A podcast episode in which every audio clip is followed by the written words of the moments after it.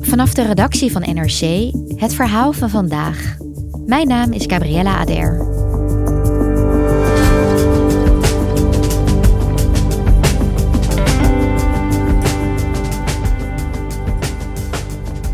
Sinds in december een koffer met cash werd gevonden bij een Europarlementariër thuis, Qatargate, volgden de berichten over beïnvloeding van het Europees Parlement elkaar rap op. Correspondent Clara van der Wiel zocht uit wat het Europees Parlement nou zo kwetsbaar maakt.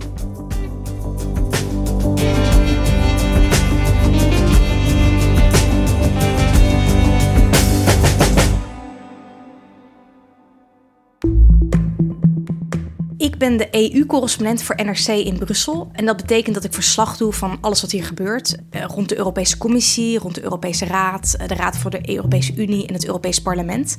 En om heel eerlijk te zijn, is het niet het onderwerp waarmee ik het meest kan scoren bij uh, vrienden en familie. De interesse is niet super hoog. Maar toen ik dit jaar met kerst in Nederland was, bij vrienden op bezoek, merkte ik opeens dat heel veel mensen vroegen naar van... hey, hoe zit dat daar nou precies en wat doe je daar eigenlijk? En heb je meer gehoord over dat grote schandaal daar? Possible corruption at the center of Europe. It's an astonishing investigation. Police searching through homes and offices in Brussels. Authorities seizing hundreds of thousands of euros in cash. Some even found in a suitcase in a hotel room. Het ging om vermoedens van omkoping door Qatar en ook door Marokko. En uh, bij één Europarlementariër waren koffers met cash in haar huis uh, aangetroffen. En opeens was die interesse dus voor het Europees Parlement, voor Brussel. En je merkt dat ook, dat opeens de stukken die je erover schrijft enorm goed worden gelezen. En het is natuurlijk ook heel erg spectaculair wat daar onthuld is. That scandal is only you know the part of the iceberg that is on top of the water but it's probably a bigger part of the iceberg that is under the water and we've seen that investigations are are continuing Het is een kwetsbare omgeving waarin beïnvloeding op de loer ligt en waarin eigenlijk ja, de risico's daarop niet goed erkend worden. En veel van de mensen die ik hier sprak, die zagen al wel langer dingen gebeuren waarvan ze dachten van ja, kan dit eigenlijk wel? Hoe kan het dat hier geen strengere regels voor zijn? En toen ben ik samen met mijn collega Andreas Kouwenhoven ben ik gaan onderzoeken waarom dat nou zo is. Waarom is dat Europese parlement zo kwetsbaar? En toen zijn we in de spreekwoordelijke wandelgangen uh, ja, een beetje op zoek gegaan naar verhalen.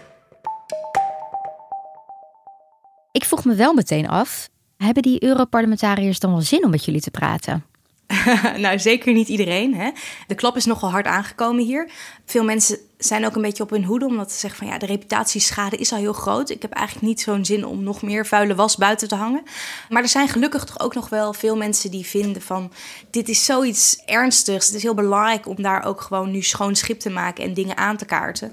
Dus dat betekent dat heel veel mensen op grond van anonimiteit wel met ons wilden praten.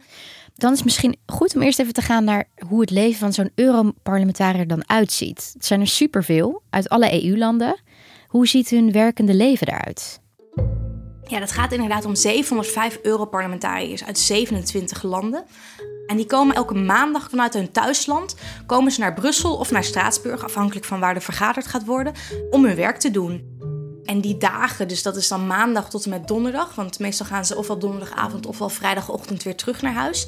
Ja, die zitten natuurlijk vol met vergaderingen van ochtends vroeg tot s avonds laat. Veel onderhandelingen, veel praten over Europese wetten, over Europese nieuwe normen.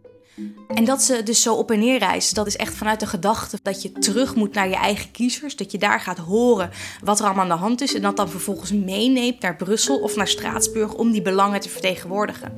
En wat ik ook wel belangrijk vind om te zeggen is dat er wordt soms wel eens een beetje minachtend over het Europarlement gedaan in Nederland. Van nou ja, dat zijn allemaal zakkenvullers. Ze zitten daar een beetje uit de neus te eten. Ja, dat is mijn ervaring niet hè, van de afgelopen jaren. Ze, ze volgen de wetgeving echt kritisch. Ze scherpen dingen ook echt heel erg aan. Ze werken hard. Maar dat betekent niet dat er niet tegelijkertijd een heleboel factoren rondom het Europarlement zijn die het wel een kwetsbare instelling maken. Wat maakt het zo kwetsbaar? Ja, er zijn eigenlijk verschillende factoren die daar een hele belangrijke rol in spelen. De belangrijkste is denk ik dat de regels vooraan Europarlementariërs zich moeten houden. En die dus samenhangen met integriteit, met, met transparantie, die zijn nogal zwak. Om een voorbeeld te noemen, eh, er is sinds een aantal jaar is de regel dat sommige Europarlementariërs die belangrijke uh, plekken hebben in het Europarlement, dat die moeten bijhouden met wie ze spreken. Maar uiteindelijk controleert niemand of ze dat ook echt daadwerkelijk doen. Je ziet dat bijvoorbeeld Europarlementariërs uit Noordwest-Europa echt hele lange lijsten hebben. En dat ja, mensen die, die uit Oost-Europa of uit Zuid-Europa komen, vaak veel kortere lijsten hebben. En dat, ja, dat kan niet kloppen. Dus alleen al dat, hè, dat toont dat de naleving van die regels eigenlijk heel erg zwak is. En ja, er is ook soms gewoon een heel erg gebrek aan, aan regels. Hè? Bijvoorbeeld als je met vertegenwoordigers van derde landen spreekt, dus uit de Verenigde Staten of uit, uh, uit Qatar, dan hoef je dat nergens vast te leggen, want dat valt dan onder diplomatieke betrekkingen. Ja, zo zijn er nog meer eh, dingen waar je je nu echt wel vragen bij kan stellen. Hè? Europarlementariërs mogen eigenlijk onbeperkt dure reizen aannemen, dure cadeaus aannemen, zolang ze dat allemaal maar in een register opschrijven. En ja, zo ontdekten wij bijvoorbeeld dat de Poolse Europarlementariër Radoslaw Een bijbaantje heeft als adviseur van een grote conferentie in de Verenigde Arabische Emiraten. En dat hij daarvoor uh, 93.000 euro per jaar ontvangt. Ja, hoe hebben jullie dat ontdekt? Nou ja, dat heeft hij dus ook zelf opgegeven in het transparantieregister in zijn thuisland Polen. En het stond ook vermeld in het transparantieregister dat hij bijhield voor het Europees Parlement. Hoewel de precieze som die hij ontvangt daarin een beetje moeilijk te vinden was. Uh, maar dat is eigenlijk nooit iemand opgevallen. En dat zegt wel genoeg. Er is echt heel weinig aandacht voor dit soort dingen. Terwijl, uh, ja, als je het gaat bekijken, dan staat het er wel. En wij hadden directe vragen bij van, wat is er eigenlijk aan de hand? Wat, wat is dit voor functie? Wat betekent het nou precies? Ja, want wat moest Sikorski eigenlijk doen voor dat geld? Hij zit dus in de adviesraad van de Sir Bani Yas-conferentie. Dat is een jaarlijkse conferentie in Abu Dhabi... waar ongeveer 150 hooggeplaatste mensen bijeenkomen. Heel besloten setting, er mag niet over getweet worden. Ja, en dan adviseert hij dus een beetje van wie zullen we uitnodigen... wat voor onderwerpen komen op die conferentie uh, ter tafel. Uh, en daarvoor reist hij twee keer per jaar naar de Verenigde Arabische Emiraten. Hij verblijft in, in dure resorts.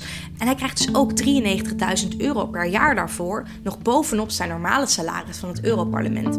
En vergeet niet, Europarlementariërs verdienen ook ongeveer, nou ja, pak een beet 14.000 euro netto per maand. Uh, dus dat is helemaal geen gering salaris.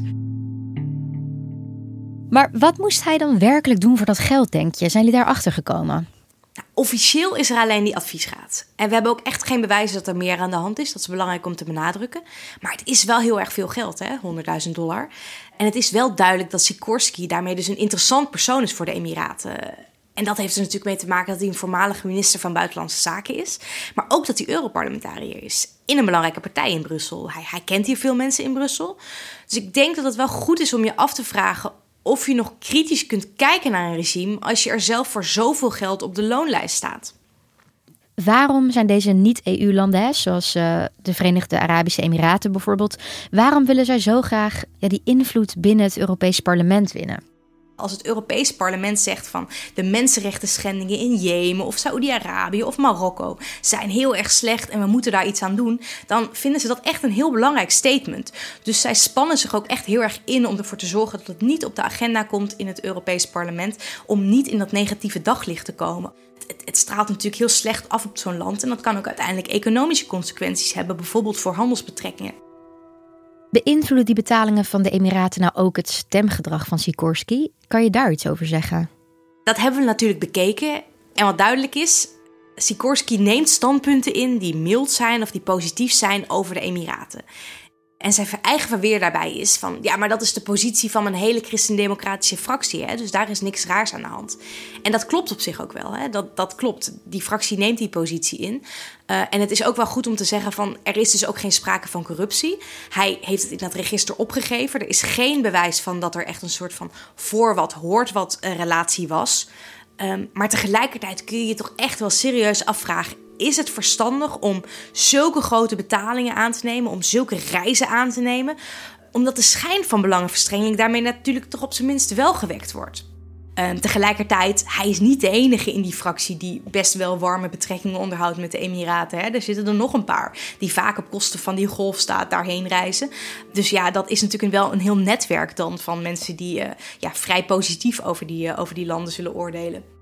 En het is dan dus ook wel moeilijk om te zeggen of deze christendemocraten allemaal hetzelfde standpunt hebben. Uh, vanuit de intrinsieke overtuiging dat zij vinden, nou, de Emiraten zijn een belangrijk en eigenlijk ja, positieve, uh, positief land. Of dat ze beïnvloed zijn door collega's uit de fractie die regelmatig naar de Emiraten toe gaan. Zou je dan niet beter gewoon zeggen: we gaan dat soort reisjes dus niet toelaten? Ja, dat, dat zou je zeggen. Uh, alleen blijkt dat in de praktijk lastig om dat te verbieden, omdat er gewoon ja, tegenstand tegen is. Hè? Een heleboel Europarlementariërs die zeggen van ja, maar het is juist heel erg goed hè, voor onze diplomatieke betrekkingen van Europa als wij vaak op reis gaan. En het is ook heel normaal dat die reizen dan soms betaald worden. Hè? Dat is normaal diplomatiek gebruik. Nee, en het is ook niet officieel tegen de regels van het uh, Europese parlement dus. Nee, zeker niet. Ik bedoel, die nevenfunctie die uh, Radoslav Sikorski had, die is gewoon toegestaan. Dat benadrukt hij ook steeds en dat, dat klopt ook. Uh, er zijn geen regels voor nevenfuncties. Je mag in principe zoveel extra verdienen als je zelf wil. Transparency International, een corruptiewaakhond, uh, die heeft in 2021 een keer een inventarisatie gemaakt van al die nevenbaantjes. En daaruit bleek dat er echt in totaal wel tot 11,5 miljoen per jaar extra wordt verdiend door Europarlementariërs bovenop hun normale salaris. Dat gaat dus echt om gigantische bedragen.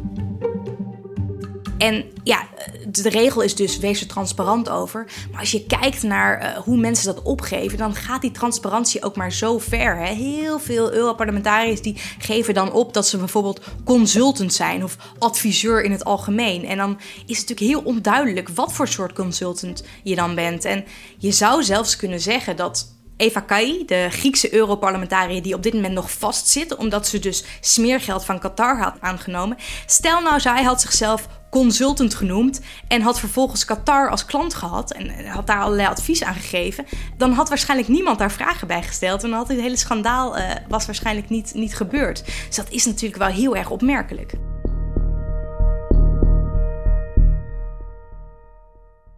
Nu hebben we al deze verhalen gehoord, maar wat gebeurt er nu om die omkoping en beïnvloeding in het Europees Parlement tegen te gaan?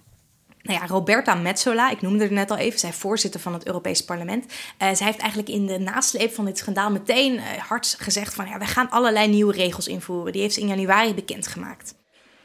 The events of the past month have led to a need to rebuild trust with the European citizens that we represent. We must acknowledge this and citizens rightly demand accountability and integrity. Ja, onder die regels is bijvoorbeeld dat het voor veel meer Europarlementariërs verplicht wordt om bij te houden met wie ze ontmoetingen hebben. En dat er dus ook geen uitzondering meer is voor uh, vertegenwoordigers van derde landen, zoals bijvoorbeeld de Emiraten, zoals dat vroeger wel was. Er komt een verbod op, op de zogeheten vriendschapsgroepen, bijvoorbeeld met de Emiraten, maar ook met Qatar of met Bahrein. Uh, ja, en dat zijn een soort van lobbyclubs waarin die landen dan Europarlementariërs een beetje in de watten kunnen leggen, ze gratis op reis kunnen laten gaan en daarmee ja, goede vrienden creëren. En volgens Metsela is dit pas het begin en gaat er nog meer volgen. We have agreed on a first step approach on a number of points that can go a long way. This is the beginning, not the end. We will start with measures that can be implemented quickly while starting the process for a longer term. Dat zal dus ook betekenen dat hè, zulke nevenactiviteiten zoals die van Sikorsi, dat het dan niet meer mogelijk is. Helaas, dat blijft wel gewoon mogelijk. Want ook in de nieuwe regels um, zijn er helemaal geen nieuwe uh, beperkingen voor neveninkomsten. Hè? Dat blijft gewoon mogen. Er staat wel in de nieuwe regels dat je iets meer duidelijk moet maken wat er nou precies tegenover staat. Uh, maar het blijft natuurlijk zo dat je dus extreem veel geld buiten je werk als Europarlementariër kunt verdienen. Ja, maar goed, je zou ook kunnen zeggen: um, maak gewoon strenge, heldere regels, geen nevenactiviteiten of wat dan ook. En dan is het voor iedereen duidelijk. Ja, dat zou je kunnen zeggen, maar de weerstand daartegen is heel erg groot. Vooral ook in het Europees Parlement zelf. Hè? De meeste Europarlementariërs die zitten daar helemaal niet op te wachten. En nu begeef ik me natuurlijk een beetje op glad ijs, maar laat ik het zo zeggen dat de politieke cultuur niet overal in Europa uh, hetzelfde is. Hè? Uh, er zijn landen in, uh, nou ja, in meer het oostelijk deel van Europa of meer het zuidelijke deel van Europa waar toch meer een, een traditie is van een zeker cliëntelisme. Maar dat is zeker niet de enige reden waarom dit niet gebeurt. Hè? Want ook in een land als Duitsland is heel erg sterk verzet tegen dit soort regels. Want die zeggen echt van ja, er is een vrijheid van mandaat. Hè? De kiezer heeft gekozen. Dan moet je vervolgens de Europarlementariërs hun werk laten doen. En als zij dat niet goed doen, volgens de kiezer, dan worden ze wel weggestemd. Maar wij kunnen als Nederlanders toch alleen onze Nederlandse Europarlementariërs wegstemmen. Uh, geen beïnvloedbare parlementariër uit een ander land. Ja, dat klopt. Dat is het huidige Europese systeem. Uh, daar kan ik ook niks aan doen. Maar er zijn ook een heleboel Europarlementariërs wel voor strengere regels. Hè? En de roep daarom die groeit ook echt wel. Om maar een voorbeeld te noemen, de Duitse Europarlementariër van de Groenen, Daniel Freund, die pleit er ook echt al jaren voor dat er een onafhankelijke toezichthouder moet komen die inderdaad alle regels uh, ja, checkt en kijkt of mensen zich er wel aan houden. I think we have seen that the, the self control of the institutions doesn't work. Uh, here in the parliament, we have had over 25 violations of, of our code of conduct, the behavioral rules for, for members of parliament in the last few years, and there hasn't been a sanction. And we also see a similar problem in the European Commission. So I had suggested to parliament that we should have an independent body that checks on the rules in the European Union. Nu zegt uh, Daniel Freund dat er onafhankelijk uh, toezicht zou moeten komen op de Europarlementariërs. Dat klinkt voor mij echt super logisch. Dat ik denk, was daar niet al eerder over nagedacht. Maar gaat dat komen? Ja, daar wordt al heel erg lang over gesproken. Uh, en het is ook wat uh, de voorzitter van de Europese Commissie, Ursula von der Leyen, heeft beloofd toen ze in 2019 uh, daartoe werd verkozen. maar sindsdien is het eigenlijk een beetje stil geworden. En dat toont wel dat transparantie en zo'n ethisch orgaan niet het allerhoogste op de agenda staan in Brussel. Omdat ook de Europese Commissie en von der Leyen zelf eigenlijk ook misschien niet extreem veel zin heeft om door zo'n orgaan op de vingers te worden gekeken. Dus de kans dat echt zo'n heel streng orgaan er komt, die ook echt sancties mag uitdelen, die is niet zo heel erg groot. Ja, als ik jou zo hoor, Clara, ik bedoel tot in de hoogste regionen van de EU en dus ook in de Europese Commissie, wil men gewoon niet zo'n waakhond met echte macht. Ehm, nou, en dan nemen ze liever de huidige schimmigheid voor lief, zodat ze makkelijk deals kunnen sluiten. Ja, dat zullen ze zelf natuurlijk niet zeggen. Maar uh, het is wel een feit dat transparantie niet alleen een probleem is bij het Europees Parlement, maar ook bij de Europese Commissie, die vaak niet erg transparant is over haar handelen. En wat doet dit alles met het vertrouwen van de Europese burger in het parlement? Ja, er is nog geen uh, onderzoek naar gedaan. Um, maar ja, als je een beetje mag afgaan op wat ja, ik zelf de afgelopen tijd hoor, maar eigenlijk iedereen, ook eh, met wie ik hier spreek in Brussel, iedereen hoort wel hetzelfde terug vanuit zijn thuisland. Het heeft enorm veel schade aangericht aan de reputatie van het Europees Parlement. Uh, je hoorde ja, de voorzitter van het Europees Parlement, Roberta Metsola, ferm spreken in het Europees Parlement. Make no mistake, the European Parliament, dear colleagues, is under attack. European democracy is under attack, and our way of open, free, democratic societies are under attack. En volgend jaar gaan we weer met z'n allen naar de stembus voor het Europees Parlement. Uh, volgend jaar mei of juni wordt dat. En het is dus de grote vraag of het lukt om voor die tijd weer het vertrouwen in dat instituut te herstellen aan de ene kant zijn er ook echt wel Europarlementariërs die de regels veel strenger willen maken. En vooral ook Nederlandse Europarlementariërs zijn daar een grote voorstander van. Dus ja, het zou zomaar kunnen zijn dat deze crisis een aanleiding is om ook daadwerkelijk nu door te pakken. Maar dat moeten we echt nog afwachten. These are challenging times for us all, but I know and I am convinced that if we work together, we can come out of it stronger. En nu vergadert het Europees Parlement deze week in Straatsburg, hè, waar uh, belangrijke beslissingen worden genomen. Wat staat er deze keer op de agenda?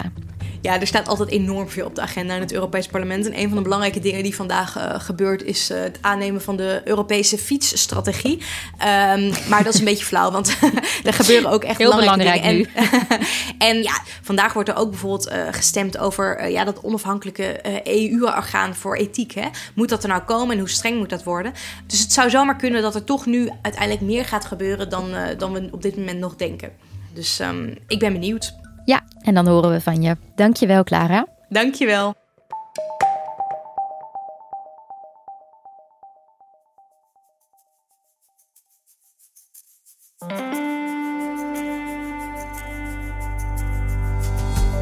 Je luisterde naar vandaag, een podcast van NRC. Eén verhaal, elke dag. Deze aflevering werd gemaakt door Stef Visjager en Bas van Win. Coördinatie door Henk Ruigrok van de Werven. Dit was vandaag, morgen weer.